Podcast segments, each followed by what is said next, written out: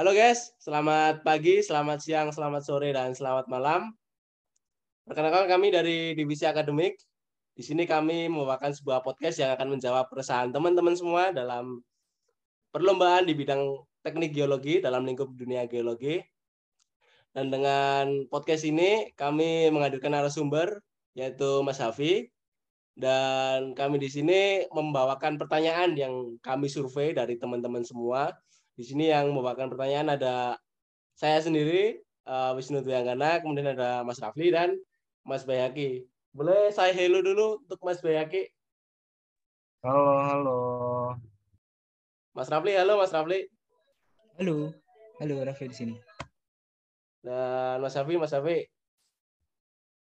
Halo, selamat siang, pagi, dan malam buat teman-teman semua. Gimana kabar teman-teman nih? Sehat semua? Sehat, sehat. Alhamdulillah. Alhamdulillah ya masih diberi kesehatan. Nah, uh, mungkin dari Mas Bayaki sendiri bisa perkenalan dulu dari mana Oke. Okay. Terima kasih nih udah dikasih waktunya Mas Wisnu ya dan terima kasih udah ngundang aku di sini buat jadi salah satu moderator podcast akademik yang pertama ini ya. Jadi kenalin dulu uh, aku Dwi Haki Abdurrahim. Jadi di sini aku uh, salah satu anggota teknik geologi angkatan 2020 dan juga salah satu anggota HMTGF UGM. Di situ aku berada di divisi humas ya. Terus kalau ditanya nih kalau soal perkenalan sendiri, berarti basicnya anak teknik geologi ya pasti kalau perkenalkan asal sekolah, asal daerah ya. Biasanya tiga itu sama nama lengkap. Karena aku bisa memperkenalkan mulai dari nama lengkapku dulu, kenalin, aku Muhammad Haki Abdurrahim. Dan aku asalnya dari Ponorogo dan juga dulu SMA-nya di MA Husnul Fatimah. Gitu. Oke, mungkin untuk nama SMA-nya uh, eh, kita skip aja nggak usah ya Pak ya. Silakan, silakan. Ya, kita kenalan aja dari uh, di divisi mana sama angkatan berapa ya di MTG FTUGM untuk periode ini. Kemudian untuk Mas Rafli, silakan Mas Rafli. Halo semuanya pendengar, uh, sama dengan uh, Bayi Haki tadi aku juga sekarang adalah anggota MTG FTUGM dan kebetulan ada di divisi akademik. Um, udah kayaknya gitu aja ya. Semoga um, kali ini podcastnya bisa asik lah pokoknya. Ikuti terus. Sip. Ya, eh. untuk Mas Hafi boleh memperkenalkan diri, monggo. Oke, halo. Uh, mungkin buat para pendengar di mana pun dan kapan pun ya. Sebelumnya perkenalin, eh kenalin, uh, aku Muhammad Ajmi Hafi. Mungkin hampir sama uh, konsepnya sama teman-teman yang sebelumnya ya. Di di sini aku uh, berasal dari Teknik Geologi angkatan 2020 dari Universitas Gajah Mada. Kalau ditanya asal daerah, mungkin uh, sebutan daerahnya mungkin ada yang tahu ya, Kota Kretek ya. Di Kota Kretek. Ya, eh, Kudus. Dari... Kudus. Ya. Oke, mungkin seperti itu aja sih, Mas Wisnu. Ya, Kota Kretek Kudus ya, Pak ya.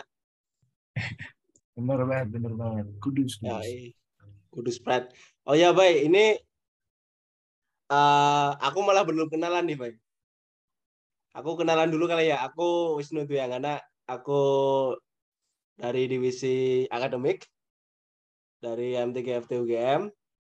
Nah, untuk angkatannya sendiri Teknik Geologi UGM angkatan 2020. Nah, untuk selanjutnya nih Mas Bayaki. Oke, gimana? Kira-kira kenapa nih kita ngedatengin Mas Hafi di sini nih?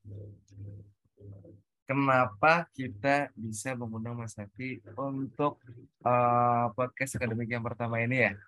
Ya, eh, benar okay. banget. Kenapa nih? Seperti yang kita ketahui, title dari podcast pertama ini adalah Lomba One On One ya, atau Competition One On One gitu kan.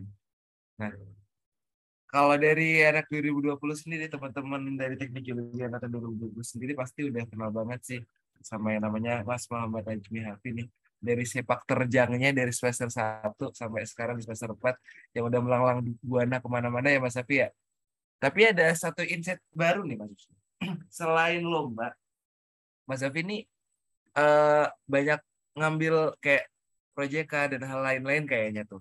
Dengar-dengar sih ya, mungkin di sini kita juga sekalian bisa dengar langsung dari narasumber ya, biar enggak cuma omongan A3 atau B3 atau apalah kita harus dengar A1 gitu, biar kita Yoi. enak juga gitu. Ya kan? Ya, iya benar banget. Yoi. Oke. Nah, mungkin uh, karena Mas ini udah pengalaman ketika lomba ya Mas Bayaki ya.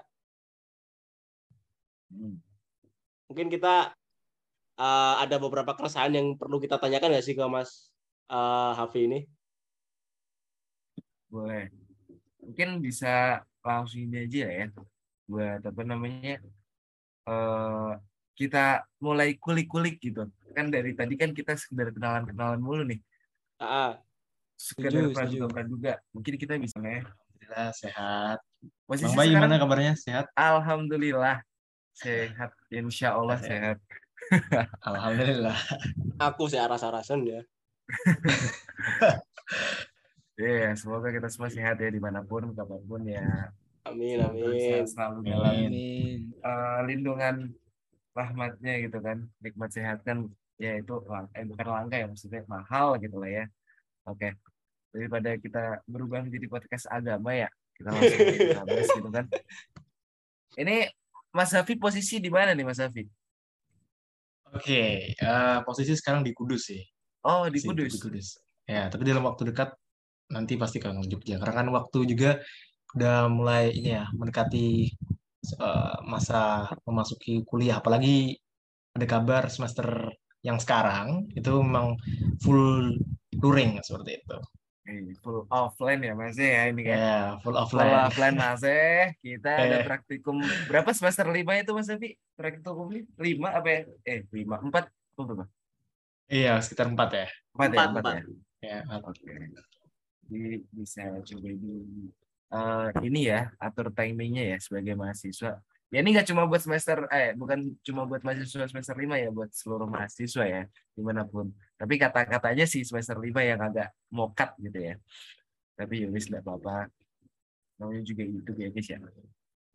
Terus ini berarti Mas Afi masih di Kudus aja ya posisinya? Nggak lagi di Lombok atau lagi di mana gitu kan so soalnya aku sering banget nih dengar Mas Afi di mana di mana di mana di mana kayak gitu Sekedar okay. info Mas Bayagi. Apa itu? Aku tadi dapat kabar katanya besok Mas Hafi mau ke Surabaya. Oh, iya gimana itu Mas Hafi? Apakah benar adanya? Oke, okay, oke. Okay.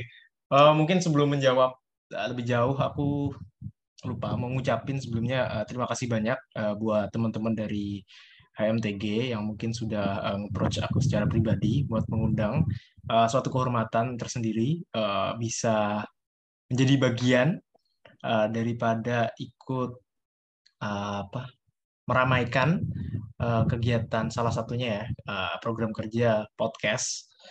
Uh, mungkin uh, hematku di sini uh, dengan pengalaman yang saya miliki ya, mungkin nggak seberapa.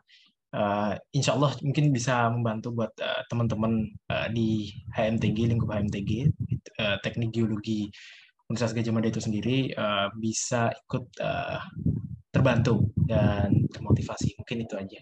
Mungkin uh, ngejawab pertanyaan ya. Mungkin kalau dalam waktu dekat mau ke mana, ya bener banget sih. Sebenarnya dalam waktu dekat mau ke Surabaya. Uh, lalu selain itu uh, dalam beberapa hari ke depan, mungkin uh, tanggal 15 kan kita juga udah masuk tuh, ya kan? 15 uh, Agustus udah masuk kuliah.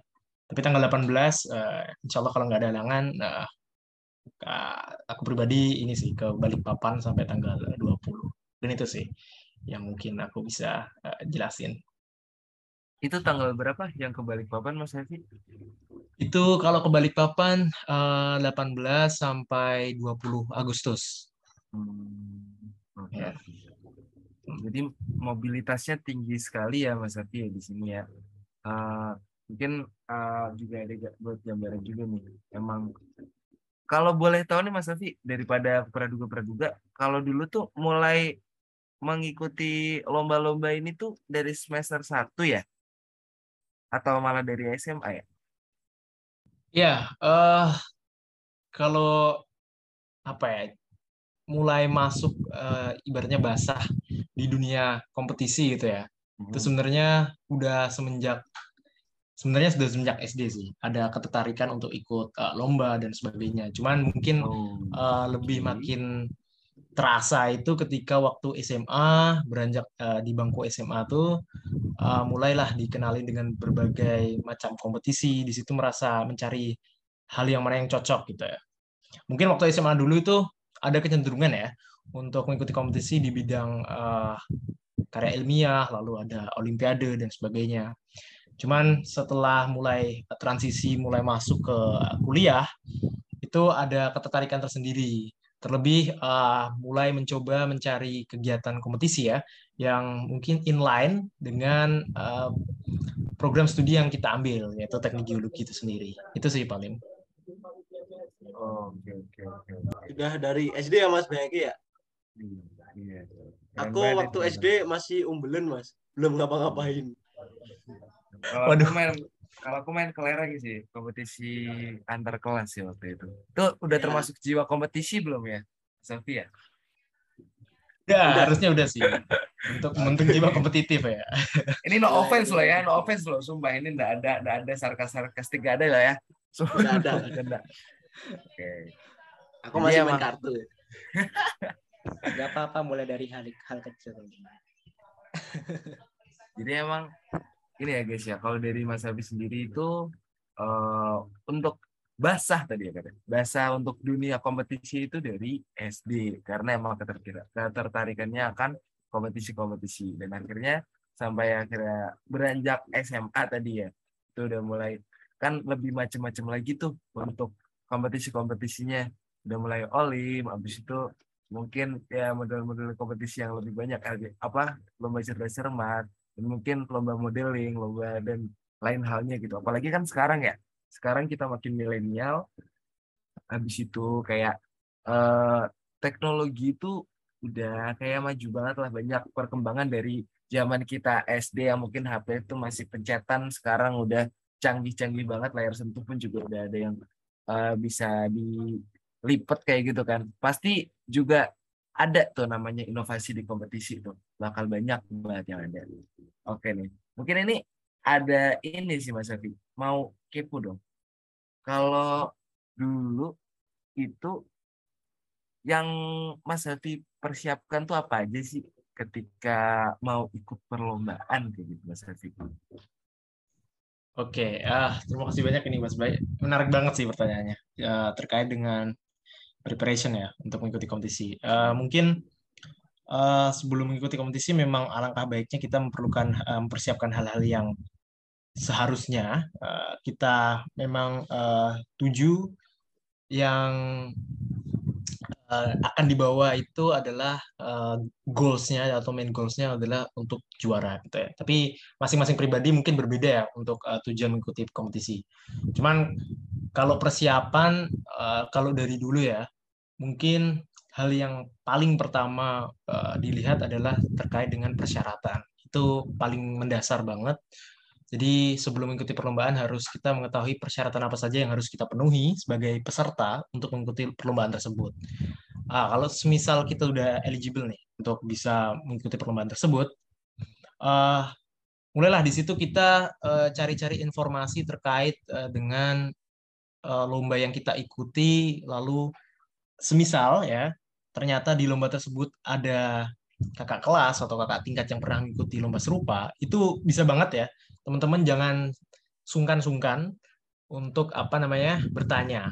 Malah biasanya kakak tingkat atau kakak kelas itu malah mereka merasa sangat terbuka, welcome terhadap adik-adik tingkat yang mungkin ingin mengikuti kompetisi yang serupa dan bahkan uh, banyak ya, most likely memang dibantu seperti itu seperti itu. Memang itu sih yang harus uh, disiapkan selain uh, tadi apa namanya bertanya ya. Bertanya itu penting banget. Uh, lalu ketika persiapan di hari hanya ketika lomba ya, mungkin banyak-banyak aja kalau misal kita uh, ikut kompetisi secara individu ya, uh, pematangan materi secara individu, misal uh, di uh, karena kebanyakan ya uh, kompetisi yang aku itu aku ikuti itu lebih ke tim ya. Jadi mungkin uh, harus sering-sering komunikasi, pematangan materi baik uh, dari tim ya. Uh, kita sering adakan uh, pertemuan, bahas nanti apa yang harus materi yang harus dipaparkan di depan juri, lalu itu yang perlu kita uh, uh, note ya, kita highlight dan alangkah lebih baik ketika kita pematangan materi itu juga harus diikuti dengan uh, kehadiran expertise. Jadi boleh itu dari guru, uh, dosen ataupun uh, kalangan profesional yang tentu akan uh, membantu kita untuk mendapatkan insight atau sudut pandang baru yang sekiranya kita tidak terfikirkan mungkin selama proses pembuatan materi. Mungkin seperti itu sih. Mas Hafi, aku nih jadi penasaran deh. Tadi kan Hafi nih menyebutkan kalau sering ikut perlombaan yang sifatnya tim atau kelompok ya itu cara cara cari temen untuk jadi satu kelompok tuh gimana sih? Dan biasanya temen dari mana gitu? Oke ya uh, kalau tim tuh memang hmm, susah-susah gampang ya.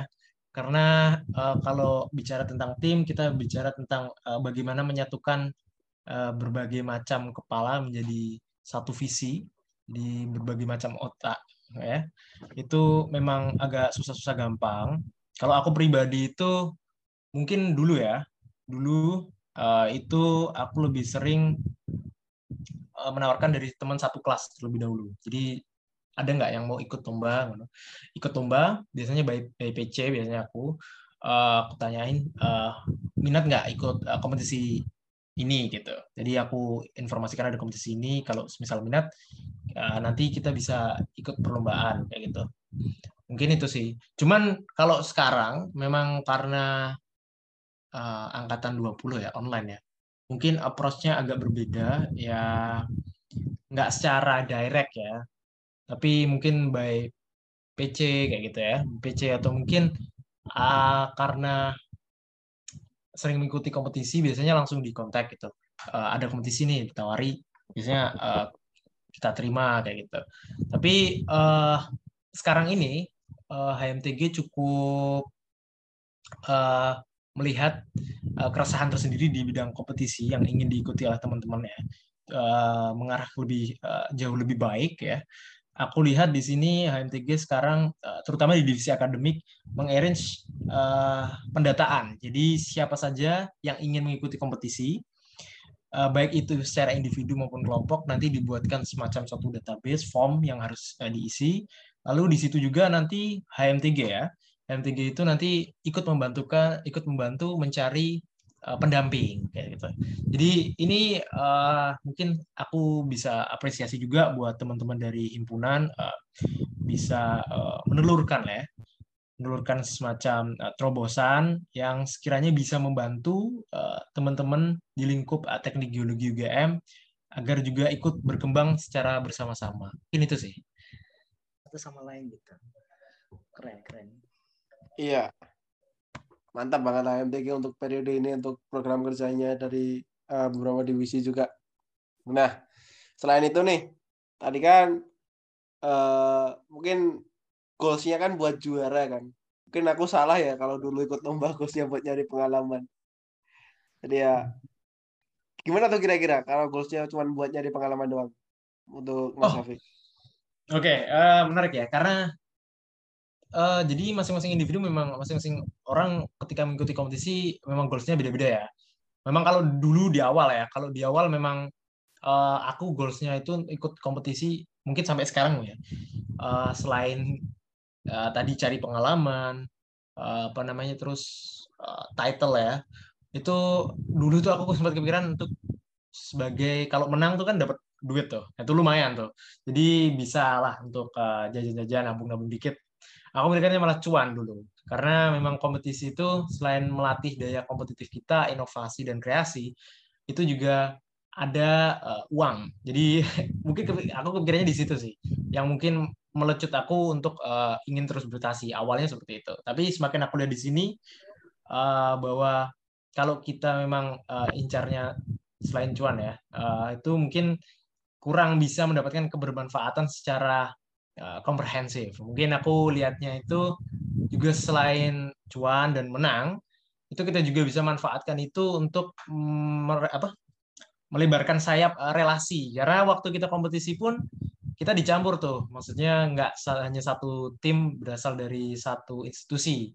Misalnya kita ketemu institusi lain dan di situ kita bisa mulai uh, merajut ini sih apa namanya pertemanan seperti itu baik uh, dari uh, pertemanan secara domestik maupun luar kayak gitu. Itu juga bakal bantu banget uh, untuk di mana memang uh, teman-teman sekarang ya mungkin lebih menekankan kalau bisa uh, dalam berma apa kehidupan mahasiswa mungkin ada yang ingin mengembangkan relasi mungkin bisa dicoba melalui kompetisi kayak gitu. Karena itu yang aku rasakan ketika mengikuti kompetisi. Selain tadi ya dapatkan uh, uang juara tuh hanya bonus lah sebenarnya tapi yang paling penting adalah pengalaman memang sebenarnya yang paling penting pengalaman lalu kita juga bisa dapat relasi dari situ juga dan kalau untung-untungnya kalau menang kita juga bisa dapat uh, uang pembinaan. Seperti itu sih paling. Ini ini keren banget nih. Apa ya? Uh, satu poin yang keren gitu. Uh, yang menarik dari salah satu apa namanya? Uh, Hafi gitu kan. Aku baru tahu tadi yang pas pertama kali kamu bilang tuh kayak kalau cita utama kita adalah uang. Ternyata uh, sedikit jujur itu lebih baik ya itu buat melanjut apa namanya semangat kita gitu ya aku juga jujur sih kemarin kemarin aku juga daftar asisten juga buat cari uang gitu jujur bukan untuk mencari pengalaman gitu ya boleh boleh sepil boleh sepil berapa kalau saya minat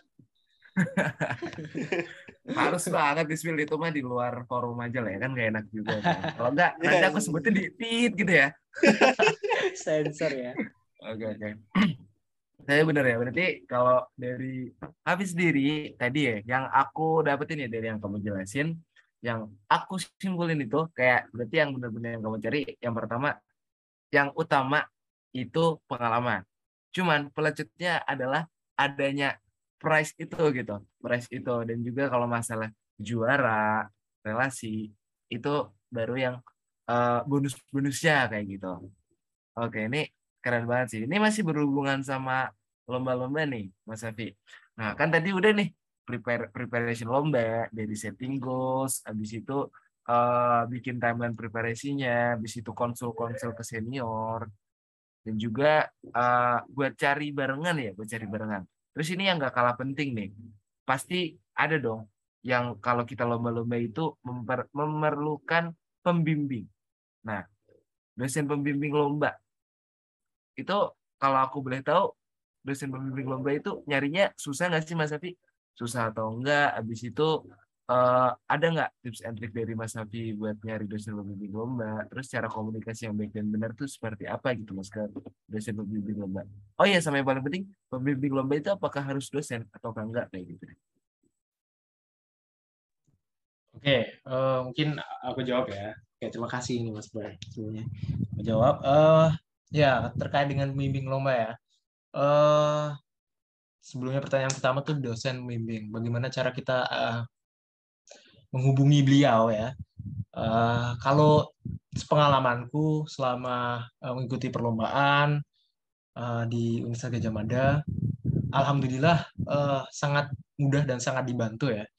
Dan dosen-dosen di khususnya di teknik geologi ya karena sejauh ini kalau yang menjadi pembimbing saya itu uh, desain teknik geologi uh, beliau uh, memang berkenan dan sangat mensupport kayak gitu mungkin yang agak uh, concern di sini uh, kalau dalam menghubungi komunikasi adalah uh, sebenarnya standar aja sih uh, bagaimana kita menyampaikan salam kayak gitu terus perkenalan singkat terus uh, jangan lupa uh, jangan bertele-tele dalam uh, karena masih situasi masih pandemi ya ini.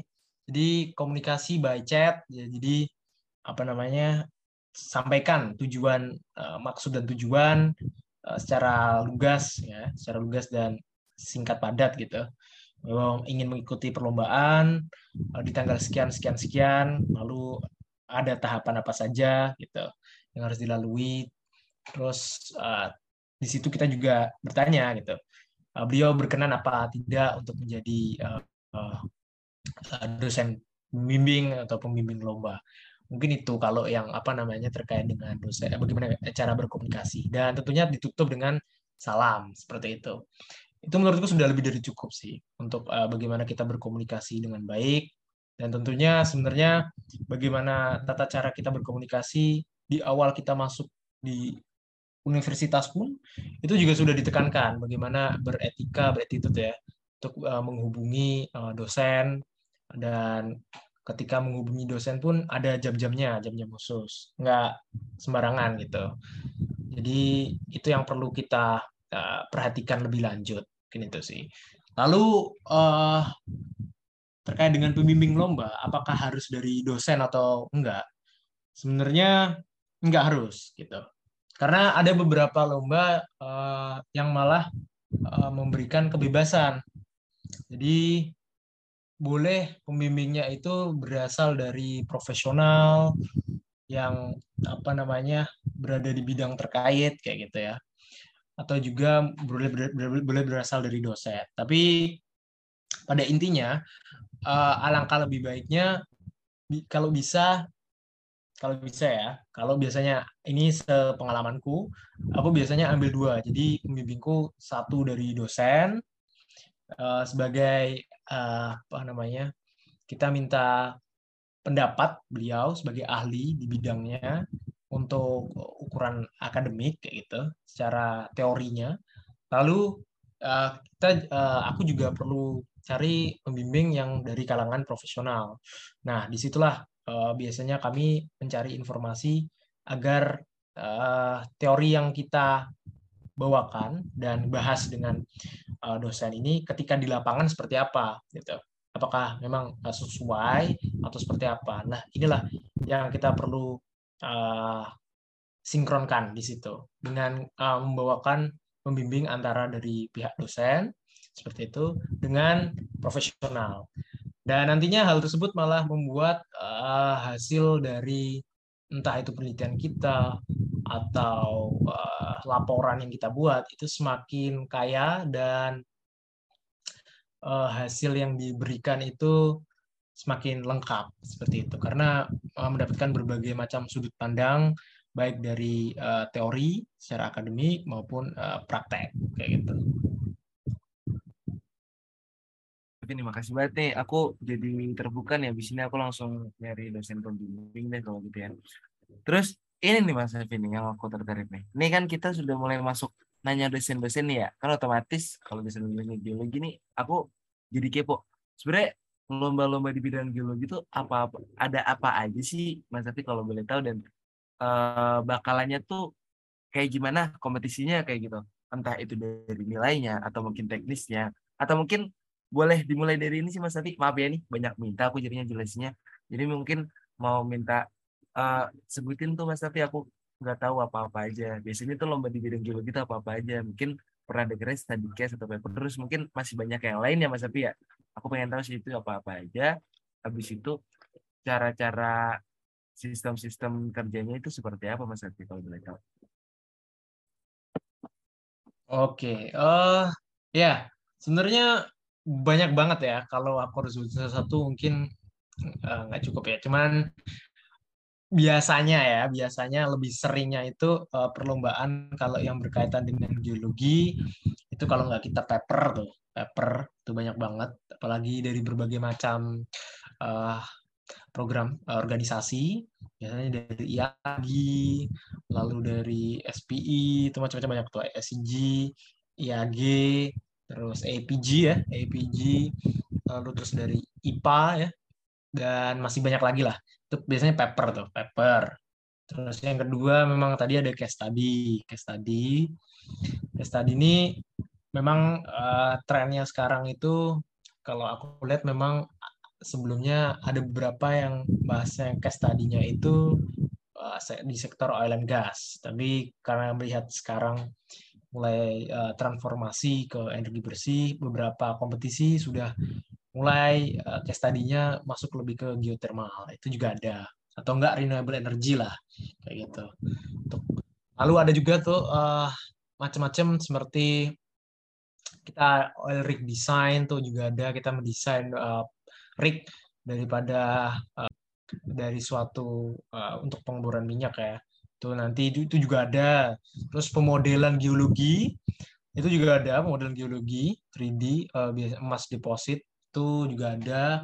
Macam-macam banget memang uh, perlombaan yang ada. Cuman mungkin yang perlu di di sini adalah uh, sistematika yang diperhatikan. Tentu dari masing-masing uh, kegiatan tersebut uh, ada satu uh, garis benang merah ya.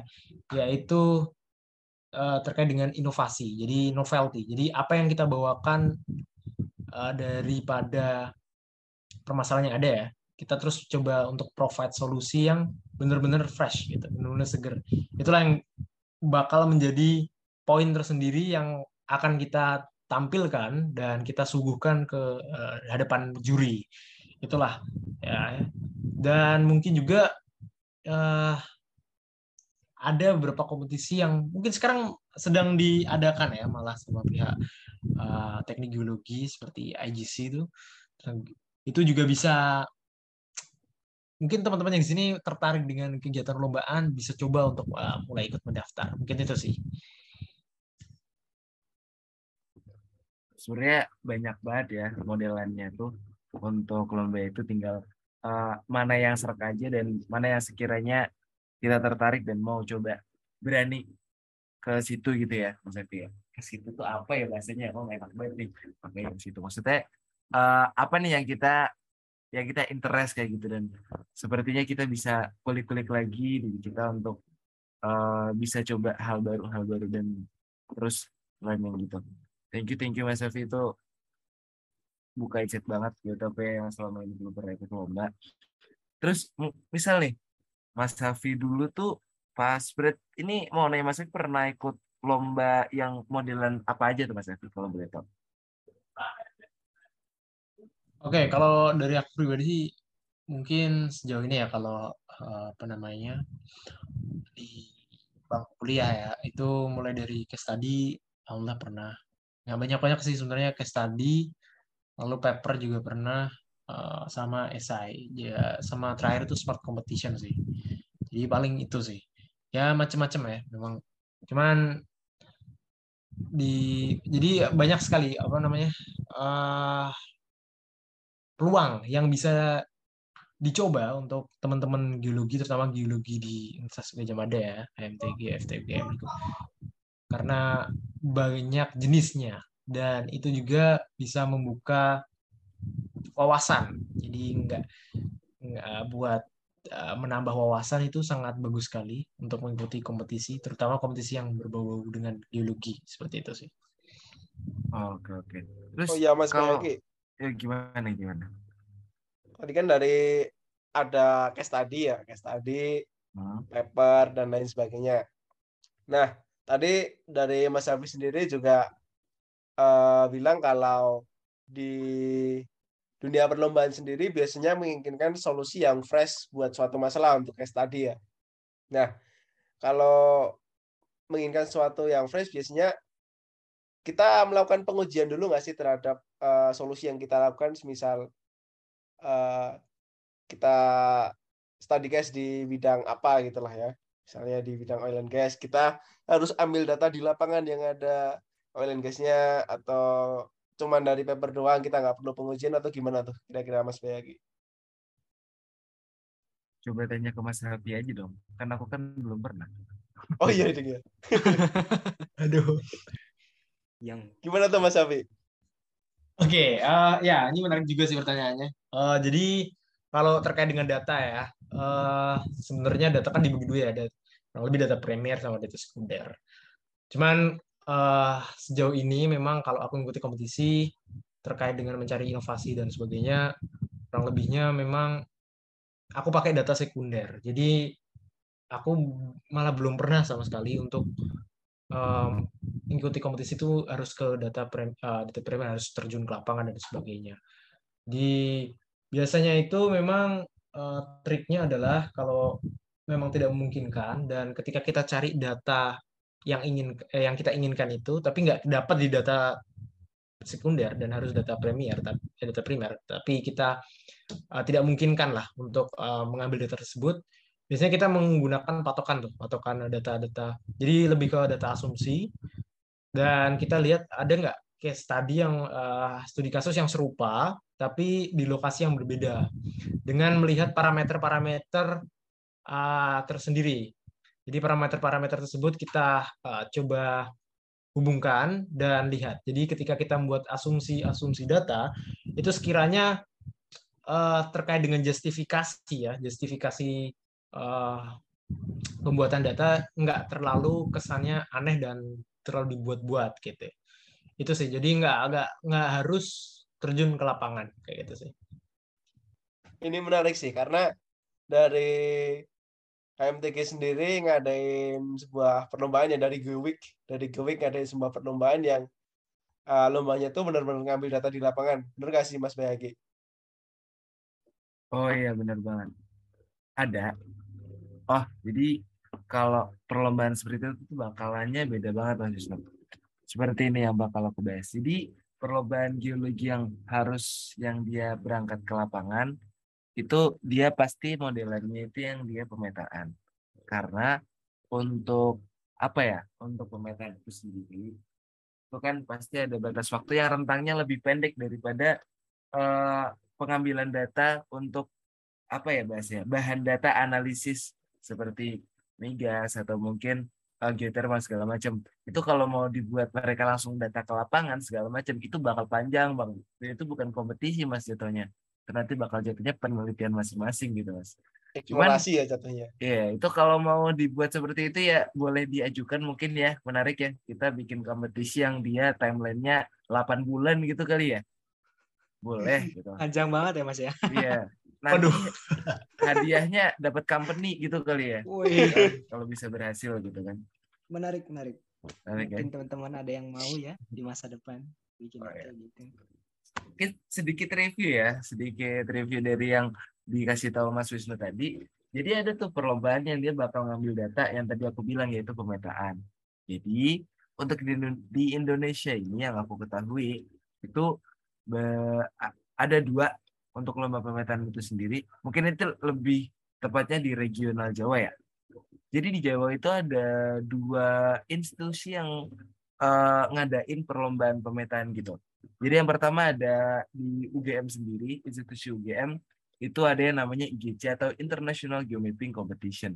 Jadi di situ ada lomba geomapping yang bakal mengundang uh, mapper-mapper dari berbagai macam institusi mau lokal maupun mancanegara.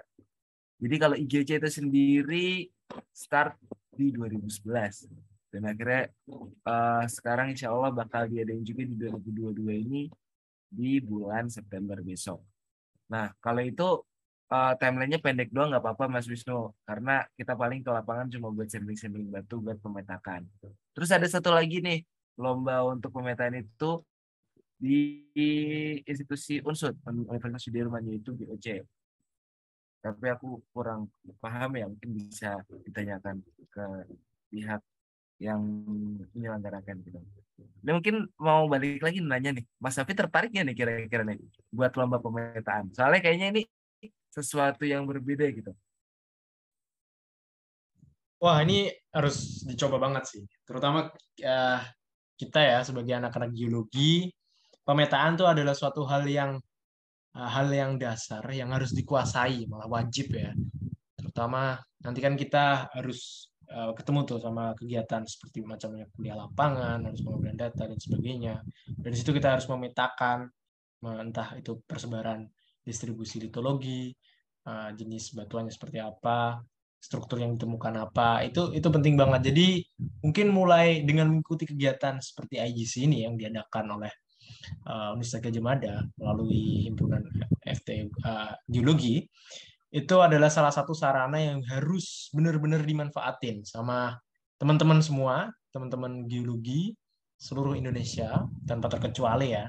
Lebih memang uh, benefit yang diberikan itu banyak banget. Jadi nggak hanya keilmuan di lapangan, tapi selain itu juga kita juga bisa menggali hal yang lebih dalam gitu.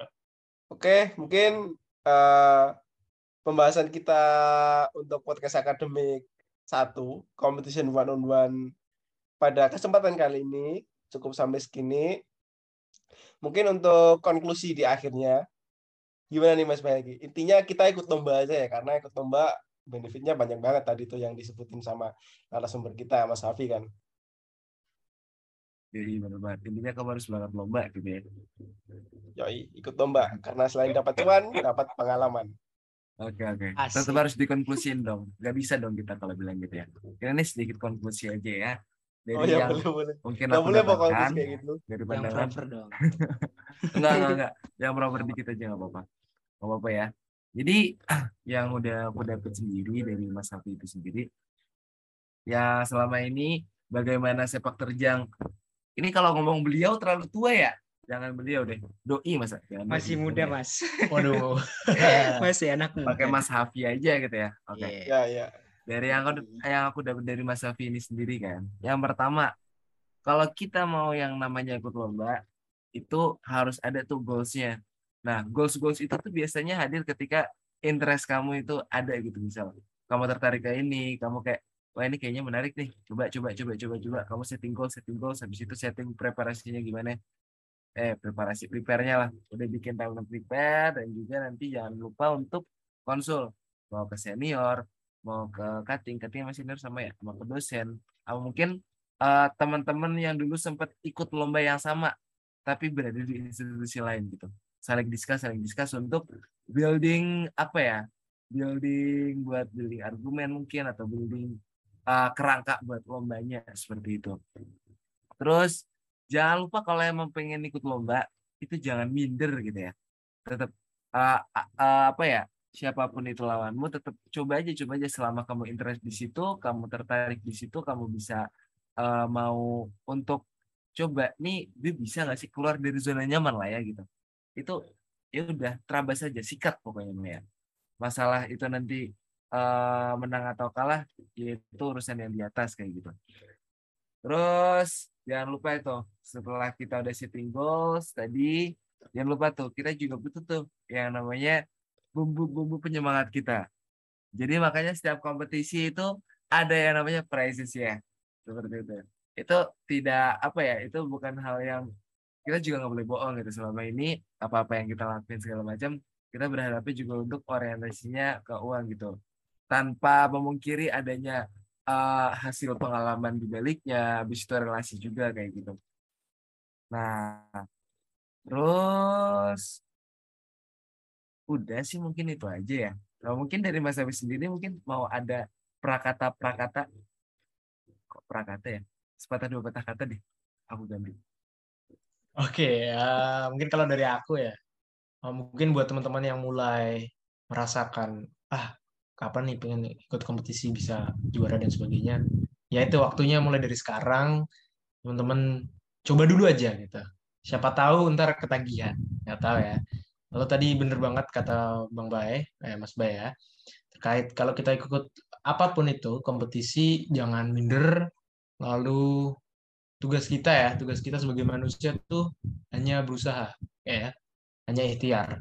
Masalah hasil bagaimana itu kita serahkan yang di atas. Jadi itu aja. Jadi uh, kita perlu mengusahakan perlu um, secara maksimal, tapi kita juga ingat bahwasanya uh, yang di atas lah yang menjadi penentu ya itu ya. Uh, dan mungkin dengan mengikuti kompetisi juga rasa ya, rasa akan ingin tahu pengembangan skill juga uh, insya Allah akan bisa berkembang senantiasa uh, ketika kita mengikuti uh, kompetisi. Itu aja sih kalau dari aku, Bang Le. Oke, kalau aku sih kemarin sempat lihat apa namanya status WhatsApp temen aku tuh dia bikin tulisan stay foolish gitu. Nah, ya, kalau artinya mah tetaplah lapar gitu. Di, di jadi orang uh, selalu ini ya terus apa namanya terus-terusan untuk lapar, terus-terusan untuk cari tuh apa sih sebenarnya yang uh, harus aku dapatkan. Tetaplah apa namanya jadilah selalu mengisi diri kamu dengan hal-hal baik lah kayak gitu. Ya mungkin segitu dari podcast kita di episode ini, podcast akademik. yaitu yang berjudul Competition 101. Seperti yang sudah kita dengar ya, sangat banyak insight yang kita peroleh dari narasumber kita Mas Hafi yang penuh dengan prestasi. Wih, Rama ya, keren juga.